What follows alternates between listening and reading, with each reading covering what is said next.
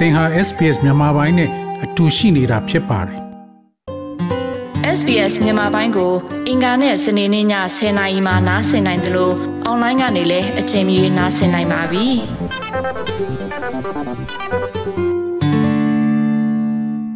ကိုပြုံအခုလိုကျွန်တော် SPS Radio မြန်မာပိုင်းစီစဉ်နဲ့ဆွေးနွေးပေးမဲ့အတွက်ကျေးဇူးအများကြီးတင်ပါတယ်။ပထမဆုံးအနေနဲ့ကိုပြုံးကဘာလို့လဲဆိုတာသောတာရှင်နေနဲ့မိတ်ဆက်ပေးပါ။ ကျွန်တော်က Brisbane မှာနေနေပါတယ်ခင်ဗျကျွန်တော်1988ခုနှစ်က Australia ကိုကျွန်တော် migrate လုပ်ပြီးတော့ရောက်လာပါတယ်ကျွန်တော်အဖေကစစ်တပ်ကပေါ့နော်အဲ့တော့ကျွန်တော်ကအတိုင်းဝိုင်းရင်ကျမပဲပြပြလာခဲ့တယ်လို့ပြောလို့ရပါတယ်ဟုတ်ကဲ့ကိုပြုံးဖခင်က DSA ဆင်လာမဟုတ်ပဲနဲ့ OTS ဆင်ပါလားကျွန်တော်တို့အဖေကတက်တဲ့စောက်ဝင်တဲ့ချိန်တော့ DSA လို့ပြောလို့ဆိုတာမရှိသေးဘူးခင်ဗျကျွန်တော်အဖေကအသက်16နှစ်မှာ ဂျပန်သိမ်းထားတဲ့ဗမာပြည်မှာ BDA လို့ခေါ်တဲ့ Burma Defense Army ပေါ့နော်အဲဒီကဖွင့်တဲ့အပတ်စဉ်ကဗိုလ်တန်းကျောင်းမှာတက်ပါတယ်ခင်ဗျအဲဒီမှာအပတ်စဉ်1နှစ်3 4 5ဆိုပြီးတော့5ခုထိဖွင့်နေတယ်ခင်ဗျကျွန်တော်အဖေကအပတ်စဉ်ကတက်နေပါတယ်တက်နေတဲ့အချိန်မှာပဲ1945ခုမတ်လ29ရက်နေ့မှာဗိုလ်ချုပ်အောင်ဆန်းတော်လိုင်းရေးပန်းညမှာဂျပန်တိုက်ဖို့အတွက်စီးရဲပြပွဲခေါ်တဲ့အချိန်မှာသူတို့ကဗိုလ်တန်းကျောင်းမပြီးသေးဘူးခင်ဗျ အဲ့ဒီမှာပဲဗိုလ်ချုပ်အောင်ဆန်းကအနည်းဆုံးရန်သူတွေရှာတိုက်ဆိုပြီးတော့ထပ်ဖြောက်လိုက်တဲ့အချိန်မှာသူတို့ကအပတ်စဉ်ကဗိုလ်တင်တန်းကဂျပန်ခေတ်ဗိုလ်တင်တန်းမပြီးရဘူးအဲ့မှာသူတို့တော်လိုင်းစားတဲ့အချိန်မှာကျွန်တော်ဖေကဗိုလ်ချုပ်ကျော်စောရဲ့အောက်မှာသူတို့ထန်းတပင်ဘောလေတိုက်ကြီးအဲ့ဒီဘက်မှာဂျပန်တိုက်တာမှာပါခဲ့တယ်ခင်ဗျနောက်တော့1945ခုဂျပန်လက်နက်ချသွားပြီးတဲ့အချိန်မှာ Candy Agreement နဲ့တီဟိုမှာဗိုလ်ချုပ်အောင်ဆန်းတို့နဲ့ Mountbatten တို့နဲ့ဆွေးနွေးပြီးတော့မြန်မာတပ်မတော်ကိုအစ်စ်ပြန်ပြီးဖွဲ့တဲ့အခါမှာ အရာရှိ200နဲ့စစ်ရင်9000ရှိတဲ့ဓမ္မစစ်တပ်ကိုစီးစနစ်တကျပဲ့မယ်ဆိုတဲ့အခါကျတော့ကျွန်တော်အဖေကိုတက်တက်ကြီးရာလို့ပြေးတယ်ခင်ဗျအဲ့ဒီအချိန်မှာအဖေကမပြီးသေးတဲ့အကြောင်းပညာပဲဆက်လုပ်မယ်ဆိုပြီးတက်ကထွက်ခဲ့တယ်တက်ကထွက်ပြီးတော့ဆယ်တန်းနေပါလိဖြည့်ပြီးတော့တက်ကလို့တက်နေတယ်ခင်ဗျရန်ကုန်တက်ကလို့မှာအင်တာပေါ့နော်အဲ့ဒီမှာသူဥပဒေပညာသင်ယူနေတဲ့အချိန်မှာဗမာပြည်ရဲ့ပြည်ရင်းစစ်အငွေအရေးတွေကတန်းလာတဲ့အခါကျတော့သူတက်ကလို့စွန့်ပြီးတော့ဗော်ဒနန်ကျောင်း သွားခဲ့တယ်ခင်ဗျအဲ့ဒီဗိုလ်တင်တန်းကျောင်း OTS လို့ခေါ်တာပါနော် DSA ဆိုတာက1959 60လောက်မှာပေါ်လာတာခင်ဗျအဲ့ဒီတော့ DSA ဆိုတာမရှိဘူးအဲ့တော့ OTS က Officers Training School ပေါ့နော်အဲ့ဒါမေမြို့မှာအဲ့ဒီမှာ49ခုနှစ် January လမှာတင်နန်းတက်နေတဲ့အချိန်မှာပဲ KNDO ကဗမာပြည်ကိုအတော်များများပိုင်းကိုသိမ်းလိုက်တယ်ခင်ဗျအဲ့တော့မေမြို့ကိုလည်းချက်သိမ်းတဲ့အချိန်မှာကျွန်တော်အဖေတို့ကဗိုလ်တင်နန်းတက်နေတယ်အဲ့တော့သူတို့ကရင် နေဗိုလ်တင်နန်းကျောင်းကိုဝိုင်းလိုက်တဲ့အချိန်မှာသူတို့ထွက်ပြေးပြီးလွတ်သွားတယ်လွတ်သွားပြီးတော့သူနဲ့အပါဝင်တကယ်ချင်း၅ဦးကထွက်ပြေးလာတယ်အဲ့ဒီဗိုလ်တင်နန်းကျောင်းနေရတယ်ပြီးတော့ပြောသွားတဲ့အထက်မှာကိုပြုံးဖခင်ပဲပြောတယ်ကိုပြုံးရဲ့ဖခင်ရဲ့နာမည်ကိုပြောပါအောင်ဟုတ်ကဲ့ကျွန်တော်အဖေနာမည်ကကုကြည့်မြင့်ပါခင်ဗျအဲ့တော့သူတို့ကအဲ့ဒီမေမျိုးဝိုင်းဗိုလ်တင်နန်းကျောင်းကနေထွက်ပြေးလာပြီးတော့သူတို့တောလန်းနေရင်ပြီးတော့မန္တလေးကိုဆင်းလာတဲ့အချိန်မှာလမ်းမှာနောင် NLD နာကဖြစ်တဲ့ဗိုလ်ချုပ်တင်ဦးကအဲ့တော့ဗိုလ်ကြီးပေါ့နော်သူကမင်းမျိုးကိုပြန်သိမ်းဖို့အတွက်တက်တည်နဲ့တက်လာတယ်ဗျအဲ့ဒီမှာသူတို့နဲ့လမ်းမှာတွေ့တဲ့အချိန်မှာမင်းတို့လိုက်မလားပေါ့ငါတို့မင်းမျိုးကိုဆက်တက်တက်မယ်ဆိုတော့အဲ့မှာသူတို့တနက်တည်းရပြီးတော့သူတို့မင်းမျိုးကိုတက်ပြီးလိုက်တိုက်အဲ့ဒီအချိန်မှာကရင်ကမင်းမျိုးကိုကောင်းစီးထားပြီဆိုတော့အဲ့ဒီမင်းမျိုးအဝင်ကြောက်တော်မှာတိုက်ပွဲအကြီးကျယ်ဖြစ်ပြီးတော့ဘူကြီးတင်ကကြီးစံထိပြီးတော့တက်ကလန်ထွက်သွားတယ်အဲ့ဒီမှာ သူတို့တက်ပြီးပြတ်သွားတယ်တက်တက်ပြီးပြတ်သွားပြီးတော့အဲ့မှာကရင်ကမန္တလေးတို့ဘာလို့ဒီပါသိမ်းပြီးပြီကမိတ်ထီလာတို့ဘာလို့အကုန်ကရင်လက်ထဲရောက်သွားတာပေါ့နော်အဲ့ဒါတွေအလုံးပြီးတော့မှ1949 August ကျတော့မှဘုဒ္ဓနာကြောင့်ပြန်တက်ခွင့်ရတယ်အဲ့တော့အဲ့ဒီအပတ်ကဒုတိယပတ်ပါခင်ဗျ OTS second page ပါဒီကိုပြုံးရဲ့ဖခင်ကအခုလက်ရှိဗိုလ်ချုပ်တွေဗိုလ်ချုပ်တန်းရွှေတို့ဒီမင်းအွန်လိုင်းတို့ထက်အများကြီးပိုစီနီယာကြတာပေါ့ကိုပိုင်နံပါတ်နဲ့ပြောမယ်ဆိုရင်ကျွန်တော်အဖေကိုပိုင်နံပါတ်9 9 9စတယ်ခင်ဗျအဲ့တော့ အခုမင်းအွန်လိုင်းတို့ဘာလို့16000တို့ဘာလို့ဖြစ်နေလဲဆိုတော့တော်တော်ပါပါတယ်ဘိုးချုပ်တန်းရွှေတို့ဘာလို့လဲကိုပိုင်နံပါတ်ကအိတ်ကစတယ်ဆိုတော့သူတို့နဲ့တော့မှ3000လောက်ကွာပါတယ်ဖေဖေကဘိုဒနန်ဆင်းပြီးတဲ့အခါကျတော့သူပထမဆုံးပိုစင်ကြတဲ့ချက်ကအမတ်ကဗမာစနကင်တိုင်ရင်ခင်ဗျအဲ့ဒီမှာ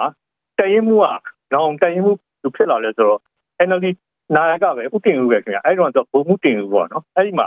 ဘုံမှုတင်ဦးရဲ့တက်ကိုရောက်တယ်ခင်ဗျဘုံမှုတင်ဦးရဲ့တက်မှာ ပြင်မနာမှာပေါ့နော်အဲ့ဒီချိန်မှာပြင်မနာတောင်ဦးအဲ့ဒီမှာဘကိုးရုံးမတလျှောက်ကဗမာပြည်ကွန်မြူနစ်ပါတီအရန်အင်အားကောင်းနေတဲ့အချိန်ပေါ့အဲ့ဒီမှာအမှတ်တစ်ဗမာသနကန်တိုင်ရင်ရောက်ပြီးပိုချုပ်တင်နဲ့တူတူပေါ့နော်အဲ့တော့ပိုချုပ်တင်ကလည်းအဲ့တော့လူပြိုဆိုတော့သူတို့ officer base မှာတူတူနေတဲ့ခါကျသူတို့ကအထက်အောက်ဆက်ဆံရေးတော့မဟုတ်တော့ဗျာသူတို့ဆက်ဆံရေးကညီကိုလိုတငယ်ချင်းလိုအဲ့လိုမျိုးအထိရင်းနှီးခင်မင်ခဲ့ကြတာပေါ့ ကျွန်တော်ဖေကအမှတ်7ချီလင်တိုင်ရင်တောင်ကိုပြောင်းရတယ်အဲ့ဒီမှာကျတော့အဖေကတက်ခွင့်မှုလုပ်တဲ့အချိန်မှာသူ့ရဲ့ဒုတက်ခွင့်မှုကဗိုလ်ချုပ်ကြီးစောမောင်ပေါ့ဗျာ88ခုနှစ်ကအာဏာသိမ်းခဲ့တဲ့ဗိုလ်ချုပ်ကြီးစောမောင်အဲ့ဒါနဲ့ပတ်သက်လို့ကျွန်တော်မှတ်မှတ်ရကျွန်တော်ဖေပြောတာတခုရှိတယ်ခင်ဗျာ88စက်တင်ဘာမှာစစ်တပ်ကအာဏာသိမ်းပြီးတဲ့အချိန်မှာဗိုလ်ချုပ်ကြီးစောမောင်ကအာဏာသိမ်းလိုက်တယ်ဆိုပြီးကြီးညာတဲ့အခါကျတော့ကျွန်တော်ဖေကကျွန်တော်ကိုပြောတယ်ဟာတဲ့ကိုစောမောင်တော့ဒုက္ခပဲကျွန်တော်ပြောတယ်အာဖေဖေဘာပြောလို့လဲဆိုတော့ဖေဖေပြောတယ် ဟာတဲ့ကိုစောမောင်ကတိတ်ရိုးရယ်ဒီနိုင်ငံရေးပဲကိုနားမလဲဘူးပေါ့နော်အဲ့တော့ကိုစောမောင်တော့ဒဇာကန်ဖြစ်တော့မှာပဲစီပြီးတော့အဖေပြောတဲ့စကားကျွန်တော်ကောင်းမှတ်မိတယ်အဲ့ဒါလေဟုတ်ကဲ့ကိုပြုံးဖေတက်ထဲမှာရှိစဉ်တဲ့အချိန်တော့ကဒီမြန်မာစစ်တပ်ကဒီစစ်ဘိုးတွေစစ်သားတွေကိုပေးတဲ့တင်တန်းတဲ့အခုခေတ်စစ်တပ်နဲ့စစ်ဘိုးတွေပေးတဲ့တင်တန်းတွေကဘာတွေများကွာခြားပါလဲအဲ ကျွန်တော်ထင်တယ်ကအရန်ကိုပွာသွားပြီညာဘာလို့လဲဆိုတော့အဲ့ဒီအချိန်ကစစ်သားအစာပြီးပြောမှဆိုရင်ကကျွန်တော်တို့1972လောက်မှာမိတ်လာမှာအဲ့ဒီအမှတ်3လေးချိန်တက်မှာကျွန်တော်ပြေတက်မှုနဲ့သွားတယ်ခင်ဗျအဲ့ဒီဘာတော့ဟာဆိုရင်ကျွန်တော်တို့တက်ခွဲ6ခွဲရှိတယ်တက်ခွဲတစ်ခွဲမှာရဲဘော်တစ်200လောက်ရှိတယ်ဆိုတော့တက်ခွဲ6ခွဲဆိုရဲဘော်တစ်1200လောက်ရှိတယ်အဲ့ဒါဗမာပြည်အနှံ့ကစစ်သားစုဆောင်ရေးတက်ကတက်ထဲဝင်နေတဲ့ရဲဘော်လေးတွေကို လူသစ်ကလေးတွေကိုပေါ့နော်စုပြီးတော့အဲ့ဒီလေးတင်ကိုပို့တယ်လေးတင်ရအဲ့တော့ဗမာပြည်မှာလေးတင်တက်၃ခုရှိတယ်အမှတ်1လေးတင်တက်ကဖောင်ကြီးမှာအမှတ်2လေးတင်တက်ကမေမြို့မှာနောက်ကျွန်တော်တို့အမှတ်3လေးတင်တက်ကမိတ်လာမှာလေးတင်3မှာဆိုရင်ရဲဘော်တက်က1200လောက်ရှိတယ်အဲ့ဒီရရင်ပြီးတော့ရဲဘော်အင်အားဘယ်လောက်များလာလဲဆိုရင်နောက်ထပ်တက်ခွဲ3ခွဲထပ်ဖွင့်ရတယ်အဲ့တော့ကျွန်တော်တို့လေးတင်3မှာတက်ခွဲ6ခွဲထိဖြစ်ပြီးတော့တက်ခွဲ တစ်ခွဲ200အမြောက်9ဆိုတော့ရဲဘော်တစ်ချိန်ဒီမှာ1800လောက်ရှိတယ်။အဲ့ဒီအချိန်တော့ဆိုရင်ကျွန်တော်ဒီရဲဘော်ဝင်လာတဲ့အစ်စ်တွေထဲမှာပညာရေးချင်း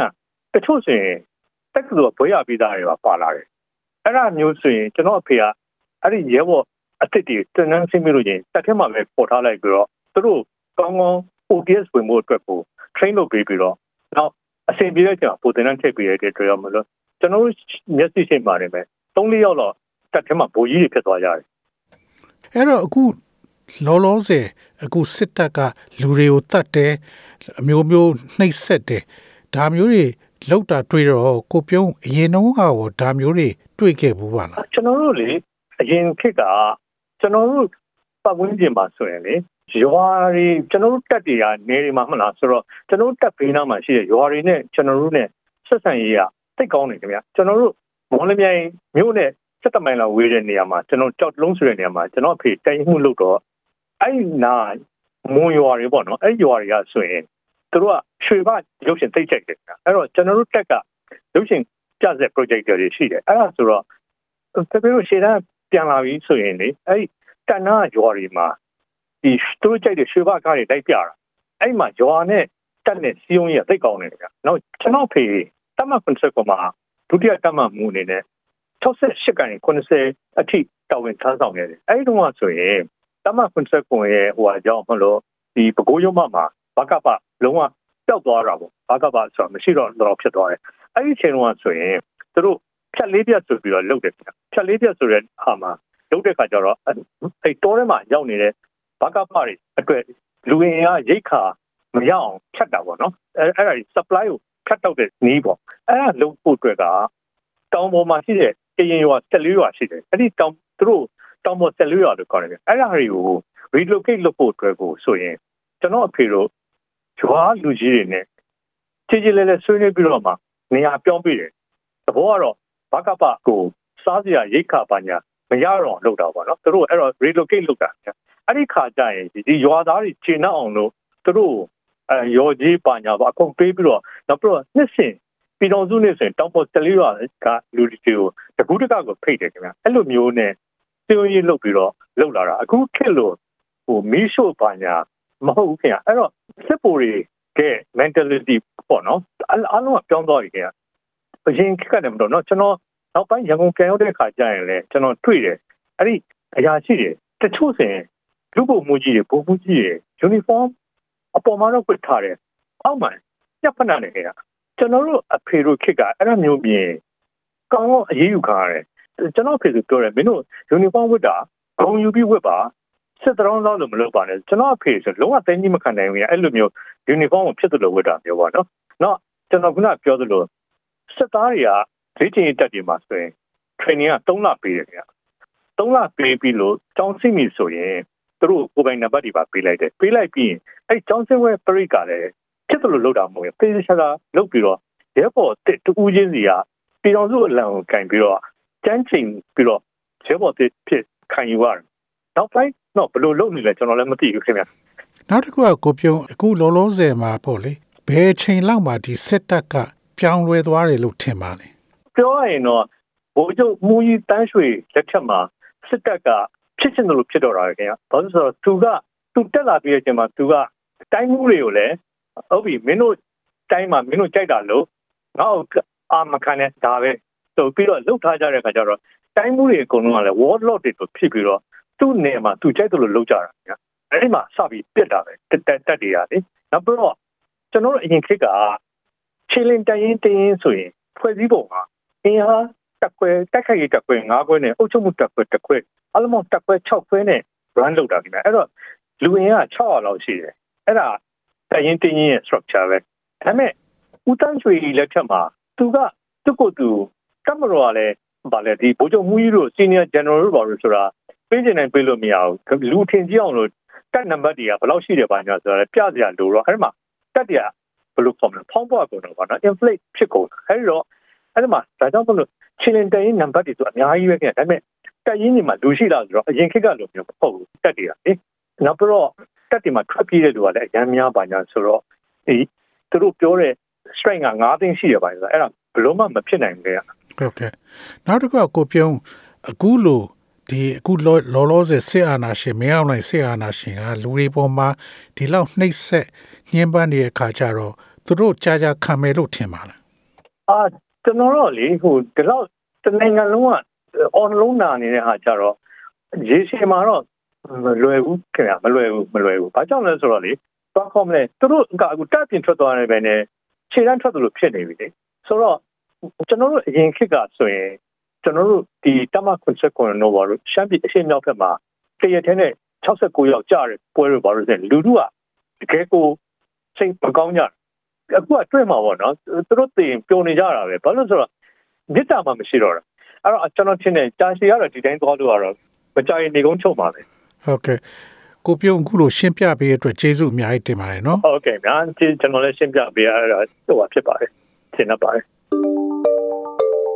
sbs.com.au/bemis ကို home နေရာမှာထားပြီးတော့အမြဲတမ်းနှာစင်နိုင်ပါတယ်။နောက်ဆုံးရသတင်းတွေ၊စောင်းမားတွေနဲ့စစ်တမ်းတွေမှာပါဝင်ပြီးတော့ဆက်သွယ်မှုလုပ်နိုင်ပါတယ်။ sbs.com.au/bemis ဖြစ်ပါတယ်ရှင်။